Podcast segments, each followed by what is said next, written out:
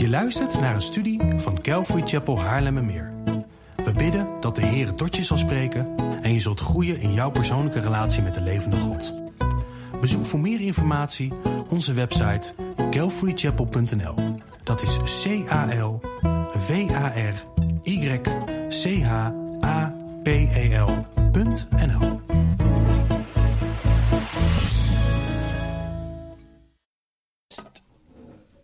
realize that we're going to do a breakout session tonight. So I guess this is how Christian men party, right? We study the Bible till late in the night, and then we talk about it till till even later in the night. That's good. That's a good thing. All right, so we're going to pick up in chapter three tonight, and I want to move. I want to go pretty quickly through chapter three, and then I want to jump into chapter four and look at the first part of chapter four and then tomorrow we have the two sessions. And so we'll finish up tomorrow with the two sessions that kind of fit together because the second part of chapter four and the first half of chapter five are connected to one another. So um, let's do that. All right. So ch- again, chapter three is uh, very brief. So let me read that, and then we'll pause for a moment and then we'll move into chapter 4. So, re- remember when we left off, Paul was talking about his his longing to come back to Thessalonica and to encourage those, but uh, Satan had had had hindered that, and so he went on to explain how even though he wasn't able to get back, he sent Timothy. And so he says, when, when we could not stand it any longer, we thought it best to be left by ourselves in Athens. We sent Timothy, who is our brother and co worker in God's service in spreading the gospel of Christ, to strengthen and encourage you in your faith so that no one would be unsettled by these trials for you know quite well that we were destined for them. In fact, when we were with you, we kept telling you that we would be persecuted. And it turned out that way, as you well know. For this reason, when I could no longer stand it, I sent to find out about your faith.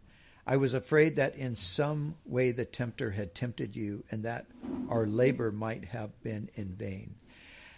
But Timothy has just now come to us from you and has brought good news about your faith and love.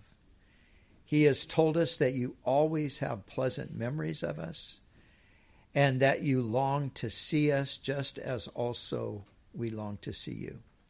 Therefore, brothers and sisters, in all our distress and persecution, we were encouraged about you because of your faith. For now we really live since you are standing firm in the Lord.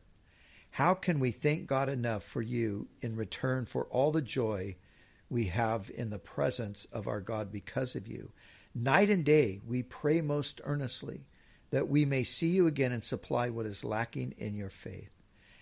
Now may our God and Father Himself and our Lord Jesus Christ clear the way for us to come to you. May the Lord Make your love increase and overflow for each other and everyone else, just as ours does for you. May He strengthen your hearts so that you will be blameless and holy in the presence of our God and Father when our Lord Jesus Christ comes with all His holy ones. So you see here, Paul is, you know, this is very personal to um, the Thessalonians at this point. There's nothing really instructional. It's just simply that Paul is rejoicing that Timothy has brought back word that they are standing firm in their faith. And Paul says, This just makes, makes me so happy. We are so thrilled to get this news. And we're going to continue to pray for you that you continue to stand firm. And, you know, as a pastor, this is something that you can completely relate to. You know, it's like the Apostle John said, um, I have no greater joy than to know that my children walk in the truth. And that is absolutely the case.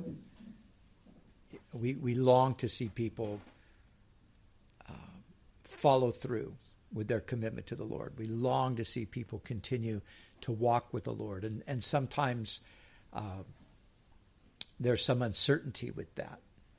And, and I personally know what it's like to, to feel anxiety over people, even sometimes over congregations. Like, oh gosh, Lord, just please help them. Um, when I was pastoring in London, there was a man that we met in the earliest days of our ministry there because he we met in a school and he was the caretaker of the school. And through a process of time, after about a year and a half of being there, he came to Christ. And it was one of the most wonderful moments. You know, he, he had no Christian background whatsoever, just a pure Londoner who kind of just was a, a rough, um, street savvy kind of a guy. And just over this year and a half period of time, through you know, because as a school caretaker, he would open the school for us and then he would stay throughout the whole time that we would have our services. And every single week, he would just sit and listen to the scriptures, listen to the teaching. And we, we just, you know, loved on him and befriended him and invited him to all the things that we were doing. You know, we were having meals together and he became part of that. Um, but, there, but there came that point where one day I, I preached a message, and, and it was a pretty hard hitting message. And I saw him afterwards, and his, he looked really disturbed. And so I said, uh, his name is Tony. I said, I said, Tony, you, you, you don't really look well. What, what's going on? And and he just sort of said, well, you know, um, it's it's what you said today. And I said, oh, didn't you understand what I said? He said, no. I understood it perfectly. And he was just under this deep conviction. And so he received Christ. And it was a beautiful thing. And, you know, we went on a few more years as I continued to pastor the church and built a strong friendship with him. And I left and he continued in the church. But to make a long story short, uh, there, there came a point where he hit some really rough waters. His marriage was in trouble. And um, the pastor of the church, the pastor that I left in charge of the church, didn't really treat him well. And anyway, it was this thing where he just was adrift. And my heart was so heavy for him for so long because he, uh, I just really loved him. And I was so concerned, you know, that his faith would survive. And um, through all of these um, rough waters and you know, rocky roads that he went down, uh, he emerged out of it with a strong faith. And, you know, this is like 20, um, 20 years ago now that he came to faith, a little more than 20 years. And just recently, I've had a lot of contact with him.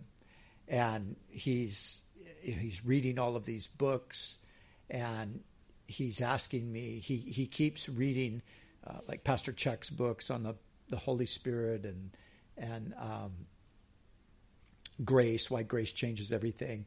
And he's using them to help and encourage other Christians. So I get a text every now and again from him. He says, You know, Brian, can you maybe send me a few more of those books?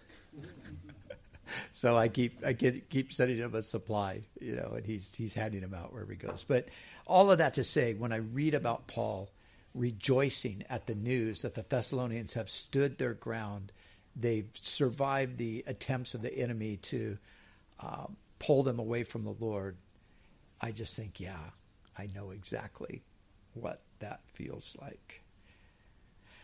And so, the end of chapter three, like I said previously, chapters one, two, and three have this really this autobiographical um, aspect to them. Really, Paul's just rehearsing what what had happened and and what he's experiencing and and then in in in the midst of that he's saying things that we've you know we we just sort of uh, used as a springboard into some of the different things we've talked about.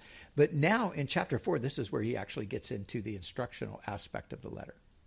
So it's in chapters 4 and 5 that he really lays down some doctrinal things for them.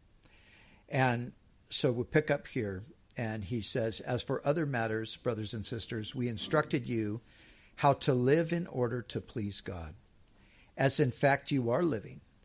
Now we ask you and urge you in the Lord Jesus to do this more and more, for you know what instruction you we gave you by the authority of the Lord Jesus. It is God's will that you should be sanctified. This is one of the few places in the Bible where we are told specifically what God's will is. You know, you you might be surprised by that, but there aren't that many places where we're, we're told just very specifically. This is God's will. Uh, in one place, it's a reference to um, believing in Christ. So, so God's will. Jesus said it's it, it's God's will that all who um, hear His voice and believe in Him should have eternal life and never perish.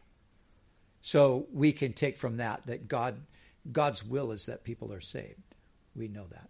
But then once a person is saved, what is God's will?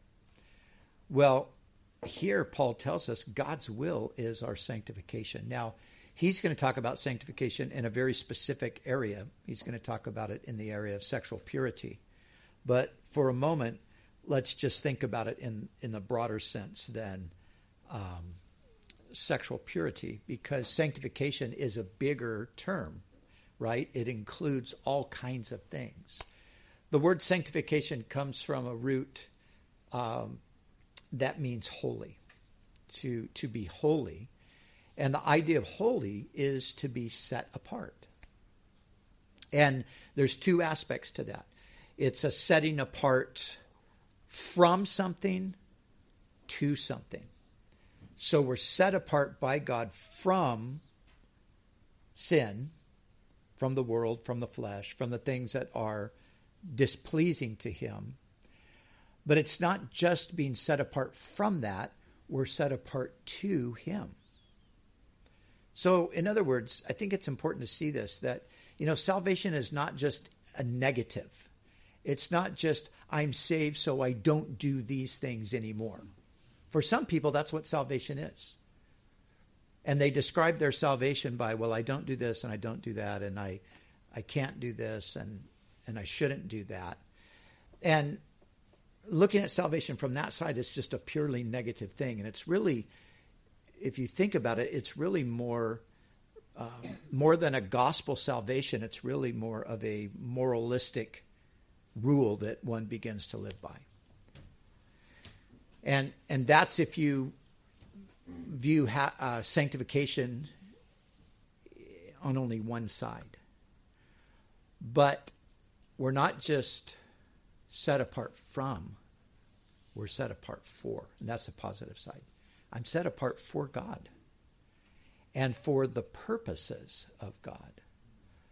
And so that's really what sanctification means. Now, I like to think of sanctification in this way Sanctification is the process of being conformed to the image of Jesus Christ.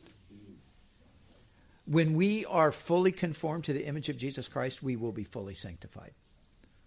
But of course, that full sanctification will not happen until we shed these bodies and we receive our glorified body, because that's when we will be then fully conformed um, as as Paul says in Philippians that that Christ is going to take our lowly bodies and he's going to transform them and make them like to his glorious body. So that's when sanctification will be complete.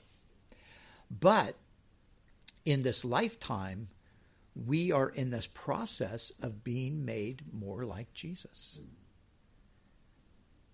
We are learning through a process of time to think with the mind of Christ we're learning through a process of time to behave in a way that um, Jesus modeled for us.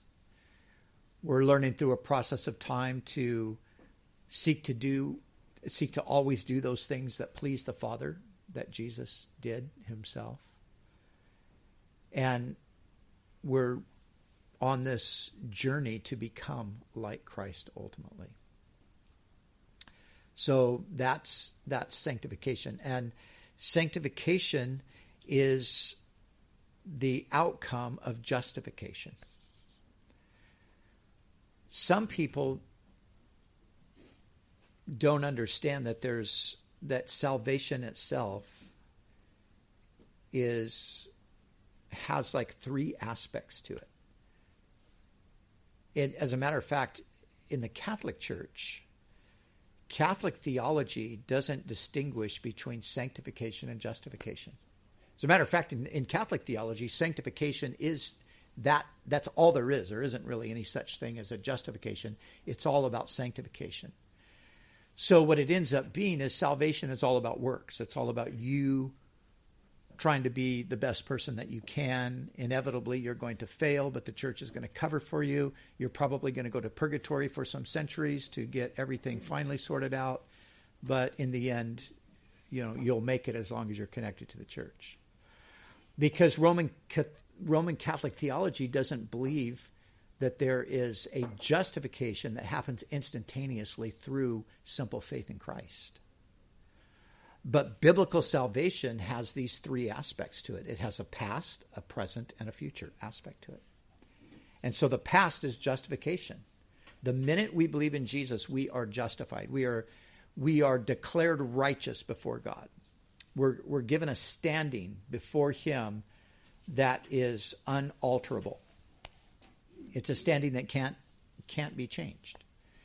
And we're placed in Christ and so, as Ephesians um, Ephesians 1 6 says, we, we are accepted now in the beloved. Because I'm in Christ, I'm accepted in Christ. I'm fully and completely accepted. And the amazing thing is, in one sense, from our positional standing, our righteousness is perfect. You can't improve upon it because you have the righteousness of Jesus. So you can't get any better than that. And that's what we've received. And that's justification is another way of um, describing that. So I've been justified, I've been declared righteous before God. That's the past. That happens the moment I put faith in Christ. But then the sanctification process begins. And the sanctification process is a process, and it's a lifelong process. And like I said, it's that lifelong process of being made more and more like Jesus as time goes on. But the final aspect of salvation will come in the future when we are glorified. So those are the three tenses of salvation past justification, present sanctification, future glorification. And so there's coming a day when um, we will be fully conformed to the image of Christ. We will be glorified. So that's kind of a general look at sanctification. But the point that I want to make is this is the will of God. See, God's will is our sanctification. He saves us not to simply declare us righteous, but to, through a process, make us righteous in our life, in our in our behavior. He wants to take the righteousness that he puts on our account and through the Holy Spirit indwelling us, he wants that righteousness to begin to um, manifest itself in our lives. So that as time goes on, and it's something that to, to think about and to think about seriously, as time goes on, I should be able to see that I'm making progress toward the image of Christ. Or maybe I can't see it, but others will see it. There's something that's going to happen, though, that, that's going to be recognizable at some point and by someone. You know, sometimes it's, it's, hard, it's hard to see yourself, right? Um, you know, like just in our own uh, human experience, you know, as, as, time time goes on, life goes on, we change. Uh, but sometimes we don't notice those changes. But people that come in and out of our lives, you know, maybe somebody that hasn't seen us for a while, they see us and they're like, man, wow, you're different. You're like, really? I don't feel any different. I, I didn't think I looked any different. Because you just, it, the, the process is so slow and so subtle that you're not noticing that it's happening. But the truth of the matter is, they're saying, wow, you're really getting old. That's what's happening to me when people are making those comments. I had this this lady come up to me a while ago, and you know we have a pretty large church, and so you can sit in the back of the church and you can see me up in the front, and um, you know apparently she thought I was a pretty young guy. And then she came up and she met me face to face, and the first thing she said after she looked at me for a minute, she goes, "Oh, you're not as young as I thought you were." well, it's okay because I'm not trying to be young. You know, I am what I am. But or or you think of it like, um, you know, like if you have if you have children, and your children are growing, and a lot of times you don't notice their growth because you're with them all the time. You see them all the time. But then, you know, an aunt or an uncle or you know somebody comes to visit, and they're like, "Oh my gosh, your kid is just getting so big! I can't believe it." And you're like, "Really? I, I didn't really notice." but they notice. And all that to say, in in sanctification and growing in the image of Christ, somebody is going to recognize that, even if sometimes you don't recognize it. You know, ironically, one of the ways to recognize we're growing in Christ, believe it or not, is to recognize how sinful we are. That is actually growth, that is actually progress. Because we tend to think that we're better than we are we tend to think we're more righteous. We tend to think that, well, other people are sinful, but you know, I'm I'm not that bad.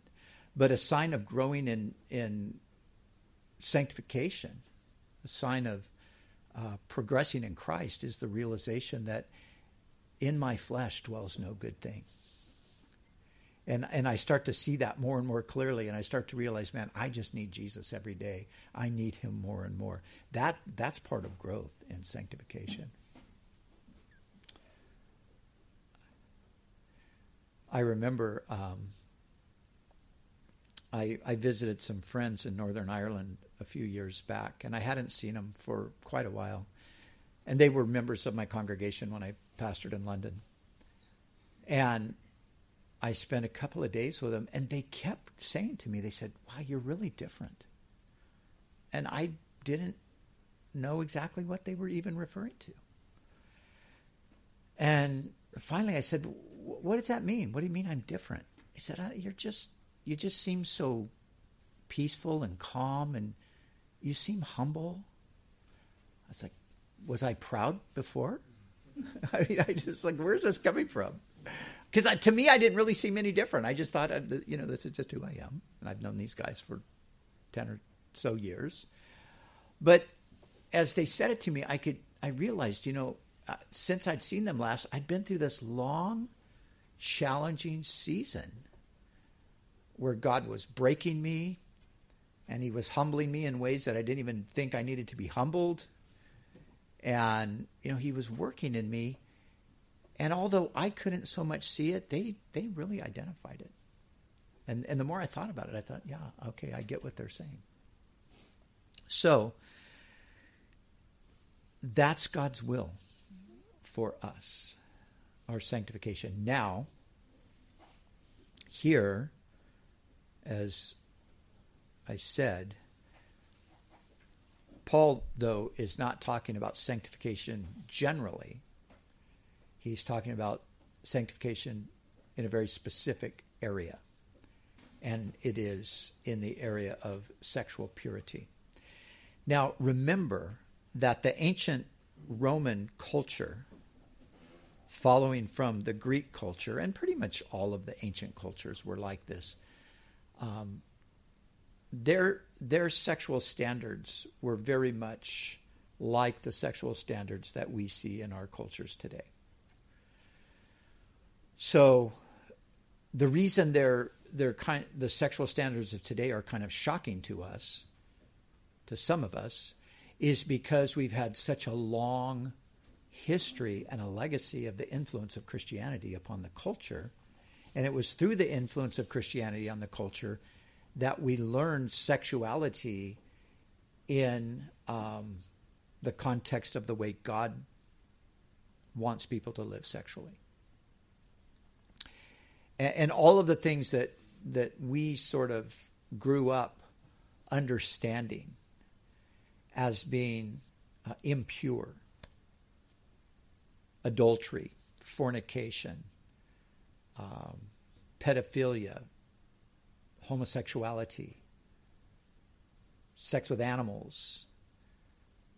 The influence of Christianity in the culture eradicated all of that behavior. But that was the behavior of the nations before the gospel came to them. That's exactly how everybody behaved. I was, I was reading in Leviticus, and it's interesting in Leviticus 18, you know, you have the sexual ethic that uh, is laid out in the Mosaic Law.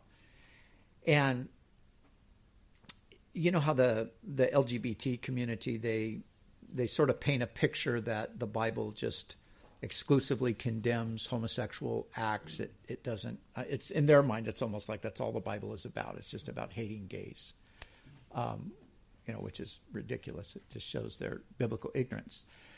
But it's interesting because in in Leviticus 18, where he lays out the sexual ethic, 16 times God says to Moses, he, he puts prohibitions on sexual behavior in 16 areas. 15 of them have to do with opposite sex relationships. One of them has to do with homosexual relationships. So God is doesn't have a preoccupation with homosexuality.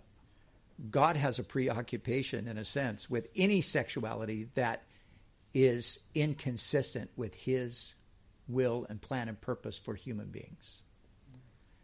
So, in, in our cultural environment, we need to understand that. We need to be able to communicate that. Because, again, the, the, um, the propaganda of the LGBT agenda is to paint themselves as victims of hateful people, especially Christians, because the Bible is a hate book about people who are uh, gay. And so we have to balance the scales and say, oh, no, let, let, let's really look at what the Bible says. And you go, just take them to Leviticus 18 and walk them through the first 15 prohibitions and just point out to them, this has nothing to do with homosexual activity. This has, has everything to do with what, what we would call heterosexual activity and the heterosexual behavior that God prohibits. And then we come to the the one uh, reference there to the homosexual act, and then the very next one is the act of sex with animals. And all of this is is becoming culturally acceptable once again. Why? Because the influence of Christianity is waning in the culture. You know, you can only have, and this is what we've had in the West. We've had um, you know, these times where Christianity has a great impact in a, in a nation, and then the the real power of the gospel diminishes, and you're left with the effects that have changed the culture. But now, because there's no continued power being uh, infused into the culture, continual spiritual power, it can only go for so long on the momentum of the past. And because human beings are sinful, because, you know, given enough time, uh, those sinful things are going to begin to resurface. And where at one time, you know, the way the culture maintained a, a semblance of morality was through law. There were laws, they restricted you from doing certain things. But as time goes on and those urges well up in people, um, then people who have those urges get in positions of power and they change the laws. So now you no longer have laws restricting you, and you have all of this internal desire rising up. And so it just eventually burst forth into the culture. And now we see it like a flood coming into the culture. And so we've got, you know, this same sex, not just homosexual activity, but we have now the legalization of same sex marriage. You know, in all of the history of the world,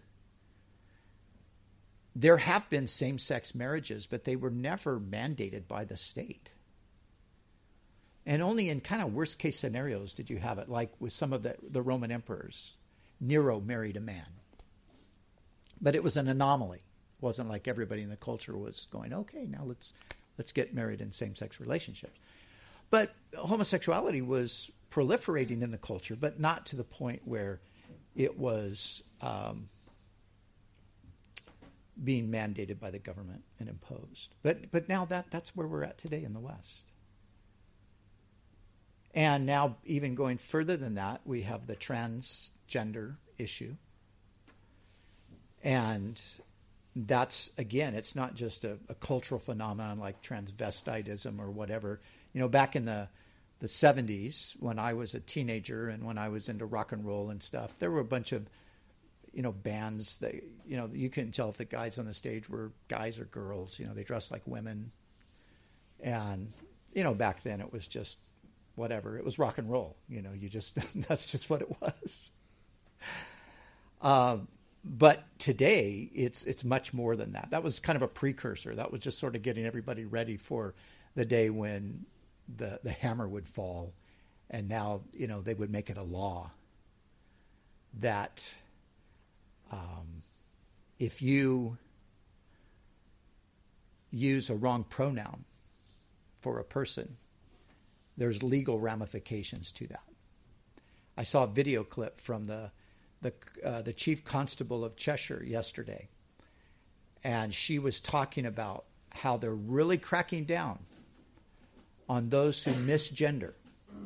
Misgender means to refer to somebody by the wrong gender. So if you're talking to a woman, but she really wants to be a man, and you're calling her a woman, that's now becoming a crime that you could be prosecuted for. So that's in England. That's happening in certain parts of England. And, and we have the same insanity in the States, and uh, you guys probably have similar insanity here. But, but what is all of this stuff? Well, this is what human beings do. What I, what I love to point out to people, you know, people who think like this, you know what they call themselves? They call themselves progressive because in their minds we are making progress. We're making progress away from that that rigid, restrictive, um, Christian, authoritarian, legalistic thing that has kept everybody from enjoying themselves. So we're making progress. They call themselves progressive. We're progressive society. I like to point out to them that the very behavior that they're trying to legislate, I can read it to them in in Leviticus, a 3,000 year old book. so, this is how progressive your society is. You're going back 3,000 years in time and repeating exactly what these cultures were doing at the time. So, but it was, that was the environment that the gospel went into. That was the world the apostles went into. They didn't go into um, the Victorian culture. They didn't go into Europe in the uh, mid to late 1800s, where everybody had a an outward morality that was shaped by Christianity to some degree. They went into a thoroughly paganized world. And much of the persecution, and remember, Paul's talking about persecution here to the Thessalonians much of the persecution centered around the Christian's sexual ethic. Because just like today, people didn't want to be told what they could or could not do with their bodies sexually. And so when the Christians were insinuating by their lives and sometimes expressing through their preaching that these kinds of lifestyles were sinful and God would judge them, this caused ire to rise up in the culture, and this brought the persecution. And it's like we just we've come full circle. That we're back to that today. And I could tell you some stories, man. In the states, we've had some pretty crazy things where, um, on on the government level, people who are refusing to comply with uh, the sexual revolution are being prosecuted by the state. In my state of California, um, we have ongoing legislation where they're attempting to shut down all Christian higher education because Christian higher education uh, dis- discriminates against LGBT people. Discriminating meaning we disagree with LGBT. So, if if if I'm part of a uh, a Christian university, say for example, and we do not allow practicing LGBT people to not simply come to our university, but we have to endorse their life. We have to approve their life. We have to even have them in positions of leadership within our educational institution. And if we don't do that, that's discrimination. That's a violation of human rights. And therefore, you need to be shut down. And so last year, there was a major thrust on the part of some California legislatures to, to shut down all Christian higher education in the state. And the only way it was stopped, and it's still there's still plenty of momentum, you know, to keep pushing it in that direction.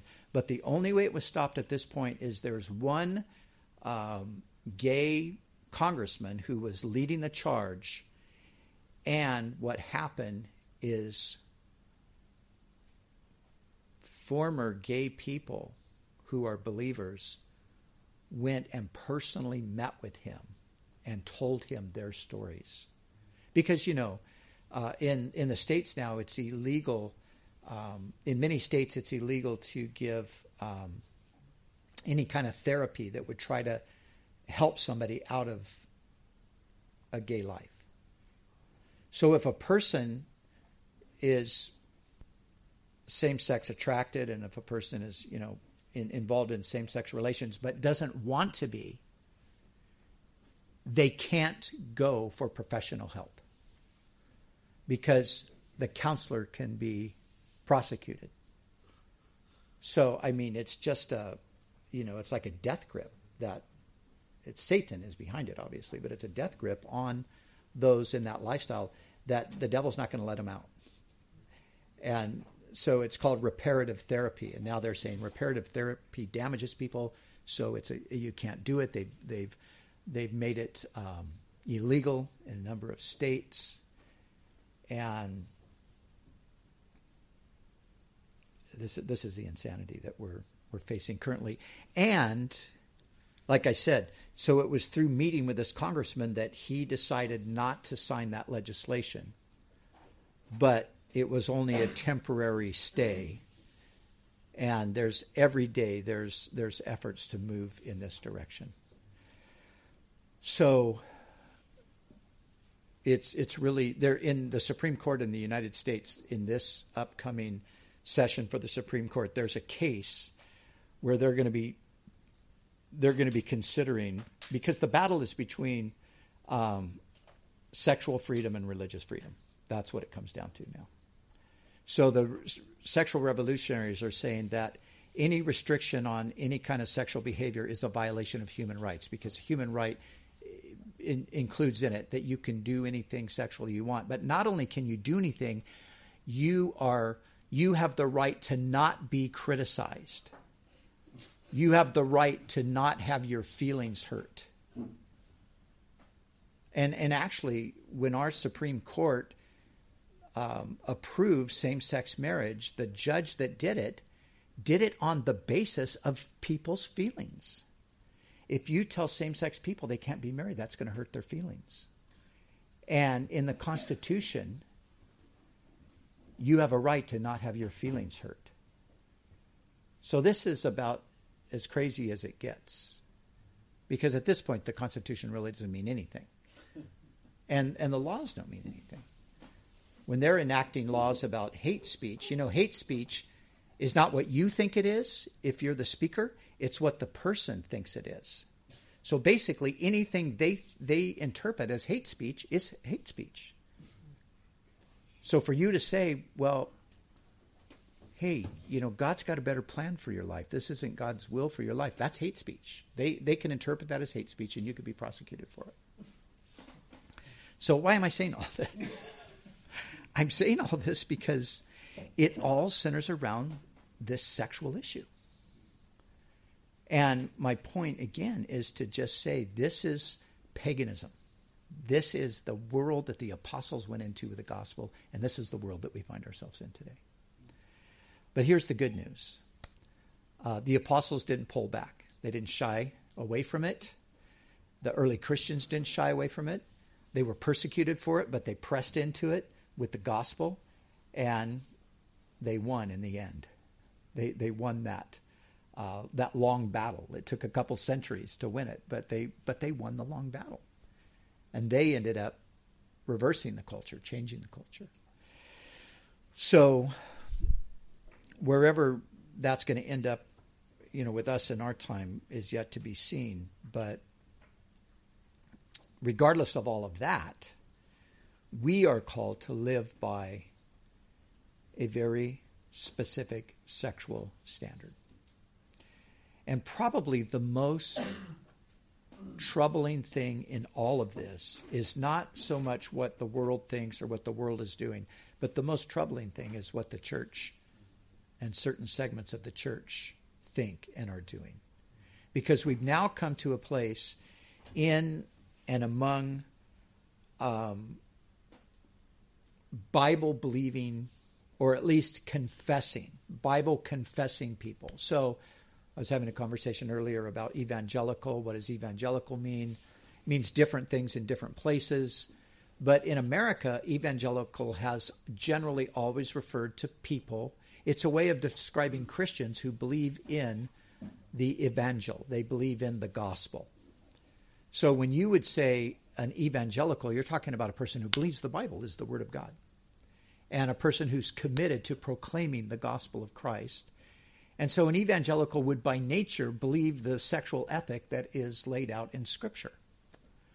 But now we've come to a point where you have progressive evangelicals so they're still claiming to be people who believe in the gospel and believe in Christ and believe in God's word, but they're now saying that we've misinterpreted the biblical sexual ethic for all of these centuries.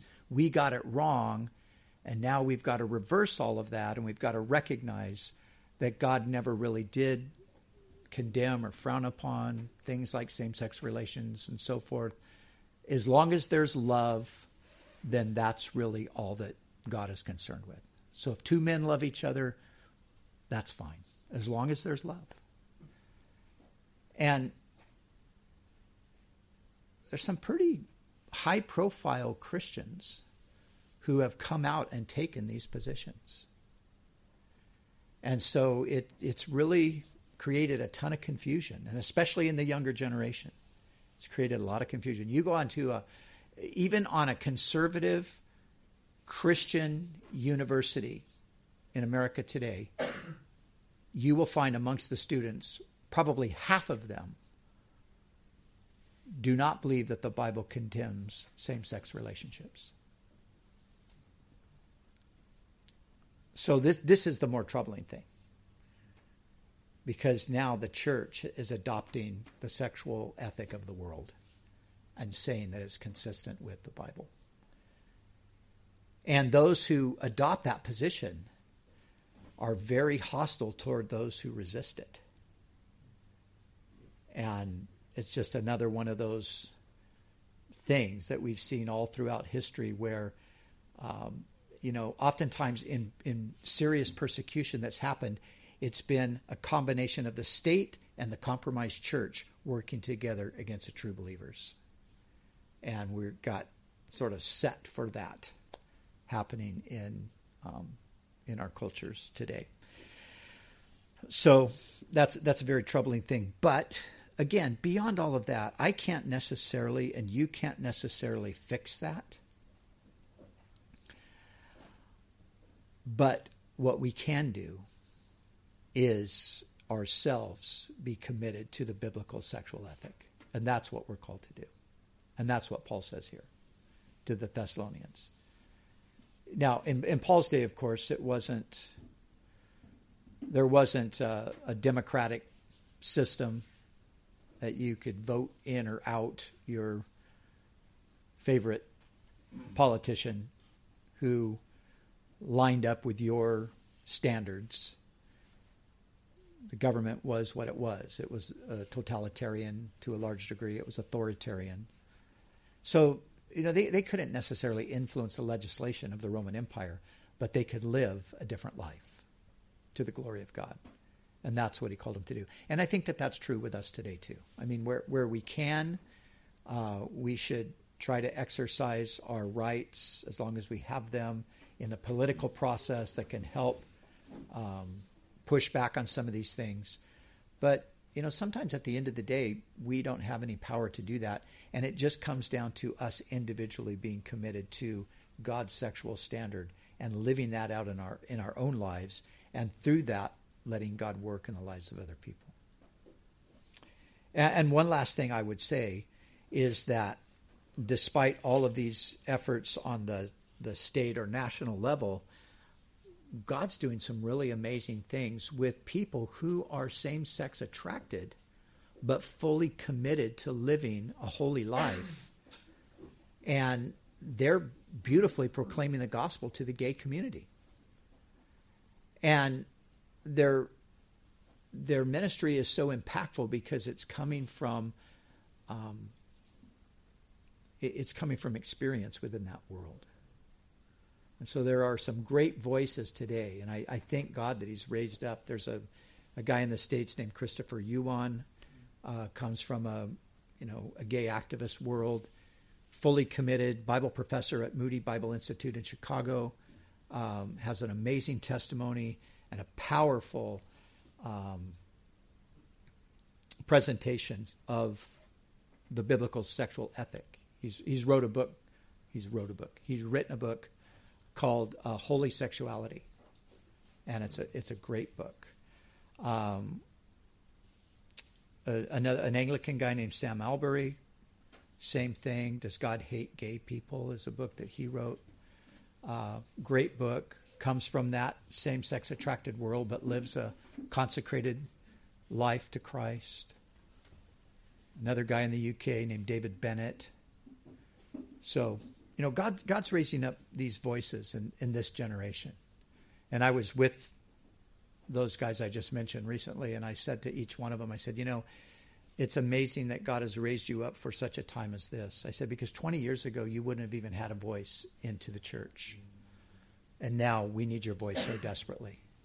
And God's raised you up for this time. So, you know, so God, God's working in the midst of all of this this crazy stuff that's going on. But like I said, for us, it might not be a same sex attracted thing, but we are to be pure sexually in our lives. And we're surrounded, like probably never before in all of history, with impurity coming at us from every angle in the culture. And now, of course, we all know through the internet, it's just as, you know, it's more accessible than it's ever been. All of that stuff is right at your fingertips. And so we have to be more committed, I think, than any any previous time. I mean, you know, 25 years ago, if you wanted to look at pornography, you had to go buy a magazine somewhere. And that those days are long gone. And you know that the devil through the internet. And you know he's he's trolling. He's always looking to to pull people into this. And i know so many christians who have been sucked up into pornography and have been weakened in their witness and you know kind of just stopped in their tracks in their service to god because they they're just bound up in this stuff. And they hate it. They don't want to do it. They swear they're never going to do it again. And then they fall again, and then it's just this vicious cycle. They go back and forth, and they they can never really advance. And and you know, I mean, there's all kinds of studies about what pornography does to the brain. It releases the chemicals, and it's more addictive than heroin, and you know, whatever all of that means. I mean, maybe that's true, but the power of the Holy Spirit is able to set us free. But we've got to determine to be free, and we've got to resist the temptation. And so, Paul says, let me read it. He says, It is God's will that you should be sanctified, that you should avoid sexual immorality, that each of you should learn to control your own body in a way that is holy and honorable, not in passionate lust like the pagans who do not know God. And that in this matter, no one should wrong or take advantage of a brother or sister. The Lord will punish all those who commit such sins. As we told you and warned you before, for God did not call us to be impure, but to live a holy life. Therefore, anyone who rejects this instruction does not reject a human being, but God, the very God who gives you his Holy Spirit. And that's the key right there. He who rejects this does not reject a human standard, they're rejecting God's standard. God has a sexual standard. God has one. People will say, well, why did, who, who gives God a right to have a sexual standard? He gave himself the right. because he's the creator. And since he created us, he can tell us how to live. And, you know, when I talk to people, um, you know, when I get addressed by people with this question, I never start with the issue of, of the, I never start with a sexual issue, especially with uh, same sex stuff. I always start with God. I, I just before we even go there, let's let's talk about something else for a moment. The question is really not is same sex or same sex relationships okay or good or what that, that's not really the primary question. The primary question is is there a God? The second question is has this God said anything about that? Because the truth is, if there is no God, then there is no standard sexual ethic.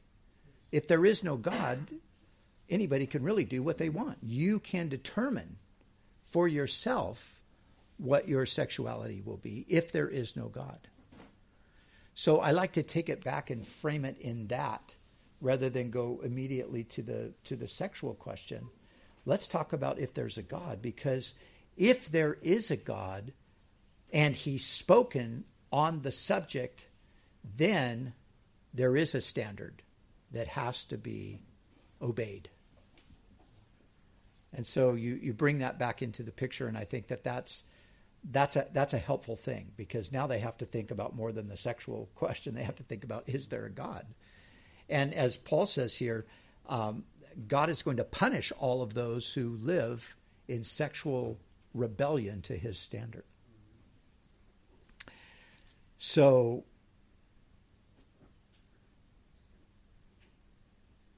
But his call to us is to live in self control. And, you know, as we do that, we model something and we give hope to people. We don't have to be controlled by our sexual urges. We can be controlled by the Holy Spirit. And, you know, that, that applies whether it's same sex attraction or opposite sex attraction, it's it's all the same thing, really. You know, I have to control my sexual urges because as a man, I'm tempted. I have a beautiful wife and I've been married to her for a long time and you know, that's all great, but I know a pretty girl when I see one. And there's there's always that temptation. There's always that temptation to look, there's always that temptation to linger in your looking. And then, of course, with the wonderful internet, there's always that stuff that just shows up on your feed, right? I like I like Instagram. I'm on Instagram a lot. I get all kinds of Instagram messages from these these women that I don't know. And you know, you just get a little message in your if you if you guys are on Instagram, you know, you get a little thing up there that tells you you got a you got a message. And I click on it and there's like three or four girls and they're really small pictures, you know, but and, and a lot of times, you know, you're kind of like, what is this? And all of a sudden you're like, oh, oh, well, oh, okay, I see what that is. And that's uh, Shelly, and she wants to say hi. And, um, but I don't know Shelly, and she's, she's not really fully dressed either, but, you know, she wants to say hi. She wants me to open that and see that because just maybe that can get a hook in there. And and I'll tell you, quite honestly, there are times when it's like, just check it out. Just, you know, real quick, just take a quick look. Make sure that's who it is. Maybe it is somebody you know, you know. you know, this stuff goes on in your head. And man, you're just like, forget you. You know, no way. Delete that thing as quick as you can. Because that's what happens. That's how the devil pulls us into that stuff. He lures us in, and then he hooks us in. And then you're trapped. And then you're in this vicious cycle. So don't even go down that road. And if you've gone down that road, just stop. You know, sometimes we have to we have to just realize that we have the power through the Holy Spirit to just say no and we just have to say no. Some people can make it all complicated. It's all, you got to get into therapy and you got to do all of this stuff and you're going to battle with this forever. And you know, I think it's simpler than that. But it's a matter of self control. But the Holy Spirit gives a person self control. The fruit of the Spirit is the, the self control. So I, I, have to take control over these things in my life through the power of the Spirit and I have to resist these things. And in the context here, Paul says not to defraud, uh, not to take advantage of a brother or a sister in this area. And and of course, you know, we're talking about the culture at large, but um, you know, sexual immorality within the church has always been a problem, and it was a problem in the apostolic era. I mean, just read First Corinthians, and it's very clear that the Corinthians they had all kinds of struggles and problems and issues that revolved around sexual behavior. But the the solution was always the same to come to Christ, to repent, to allow the power of the Spirit to give us victory over these things. And and so as we do that and as we experience victory, like I was saying, we can model that for other people and we can be an encouragement to other people. We can come alongside of other people. You know, I know uh, I know a lot of guys. Like I said, I, I, seriously know a lot of guys. Some of my good friends have really struggled with this. I thank God that I that hasn't been an issue in my life. I, I'm thankful for that, and I'm not proud about it. I'm not like I'm better than anybody. I just thank God that it hasn't been an issue for me. But I know good men who have really struggled, and in counseling them you know, I've just tried to get them to to a point where you you know you have to realize how much is at stake here. And I'll tell you just really quickly three things that keep me pure in this area. And they're they're real simple things. My kids, my wife, and my God. And I'm accountable to all three of those things. I think of, eh, this is this is what happens when we get caught up in sexual sin, whether it's just visually looking at pornography or if it's even to the point where you're engaging in some kind of activity with another woman, person, whatever it is. Um, what what always happens is you you let your desires get out in front of your reason. You turn off your your reasoning and you go with your desire. But you, you have to stop and think. Even if you just think for 30 seconds, that's really all it should take.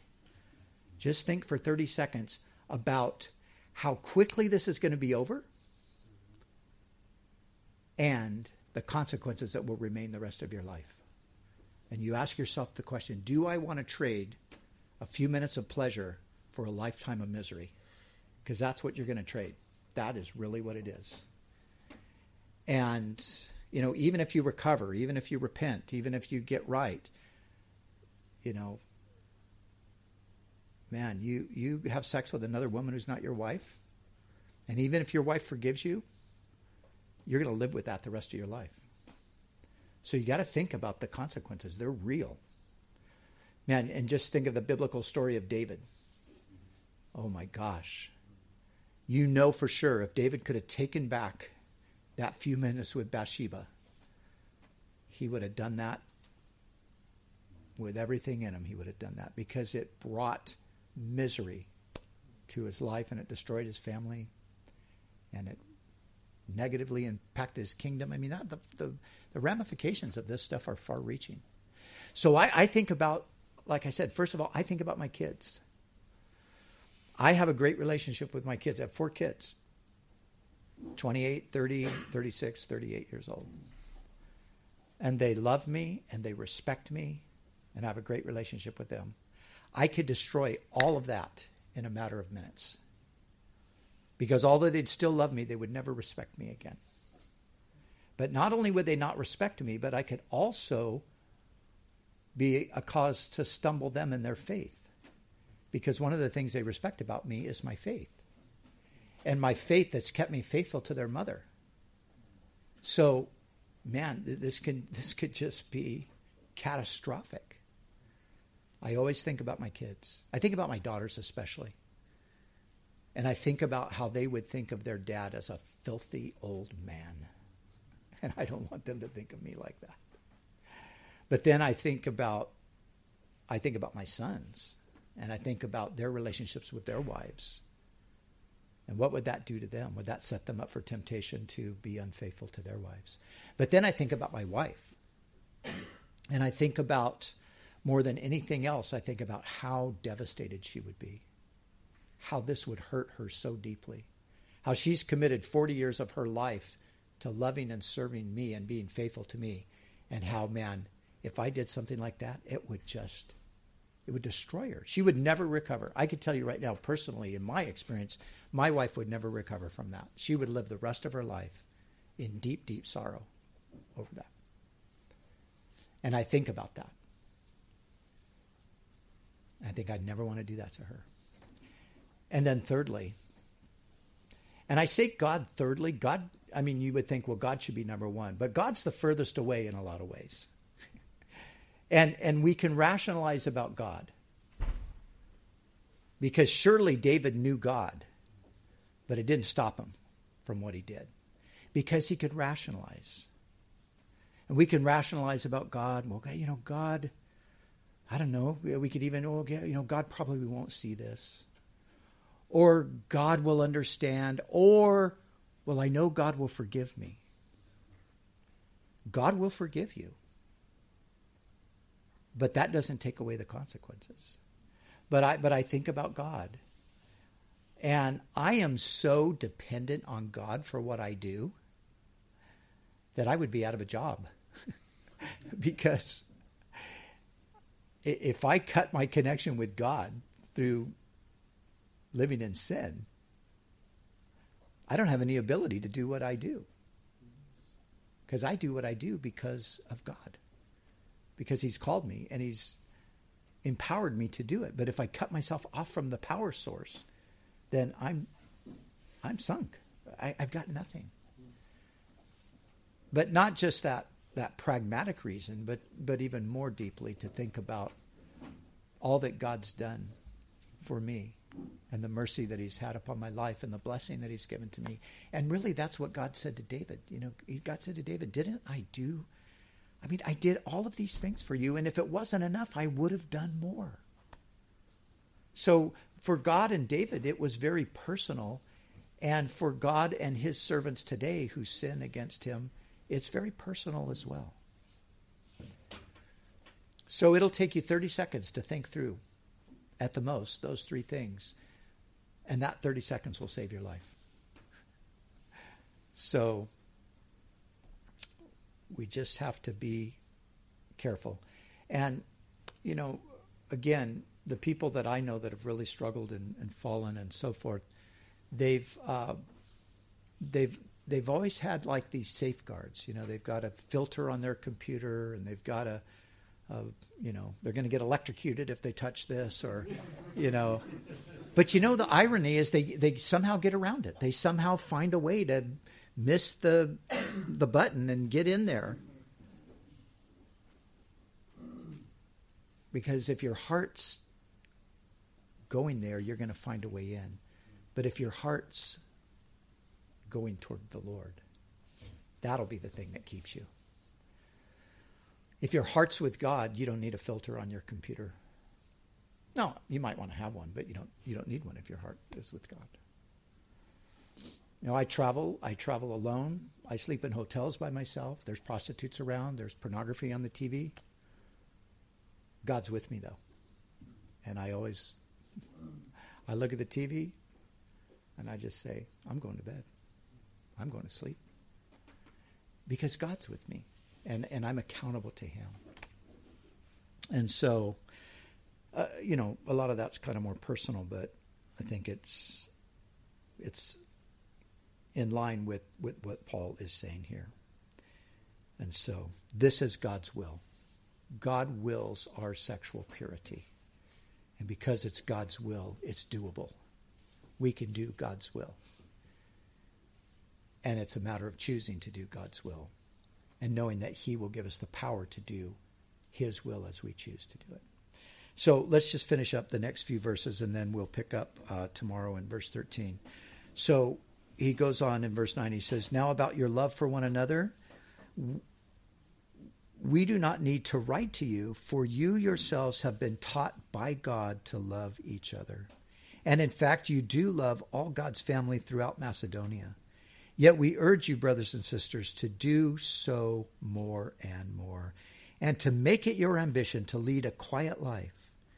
You should mind your own business and work with your own hands, just as we told you, so that your daily life may win the respect of outsiders and so that you will not be dependent on anybody.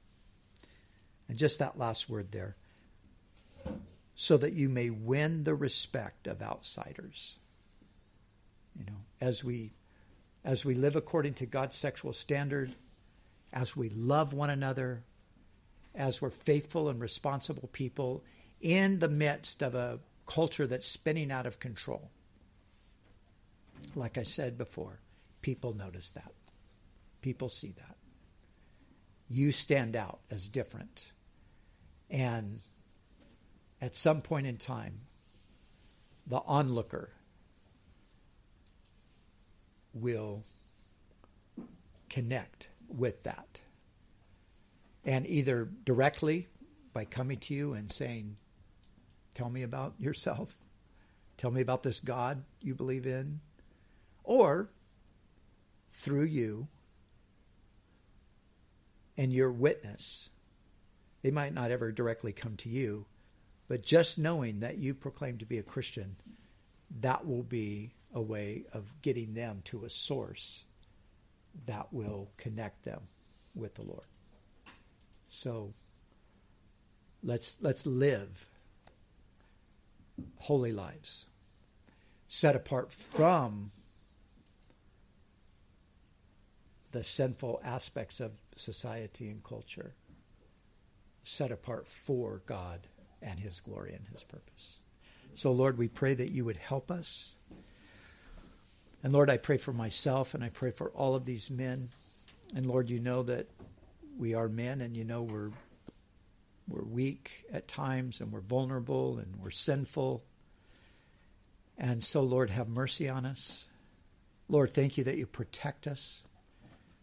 Thank you that you watch over us. Jesus, like you said in teaching us to pray, lead us not into temptation, but deliver us from the evil one. And Lord, give us strength. And Lord, if there's anyone in the room that struggled with these things, that succumbed to them, Lord, let them know that you're your grace and your love are there to take care of those things and let them know that your power is there also to give them victory for the future. And Lord, as we find ourselves in this in this world that is so deeply immersed in perversity and wickedness. Lord, help us to live holy in the midst of this for your glory.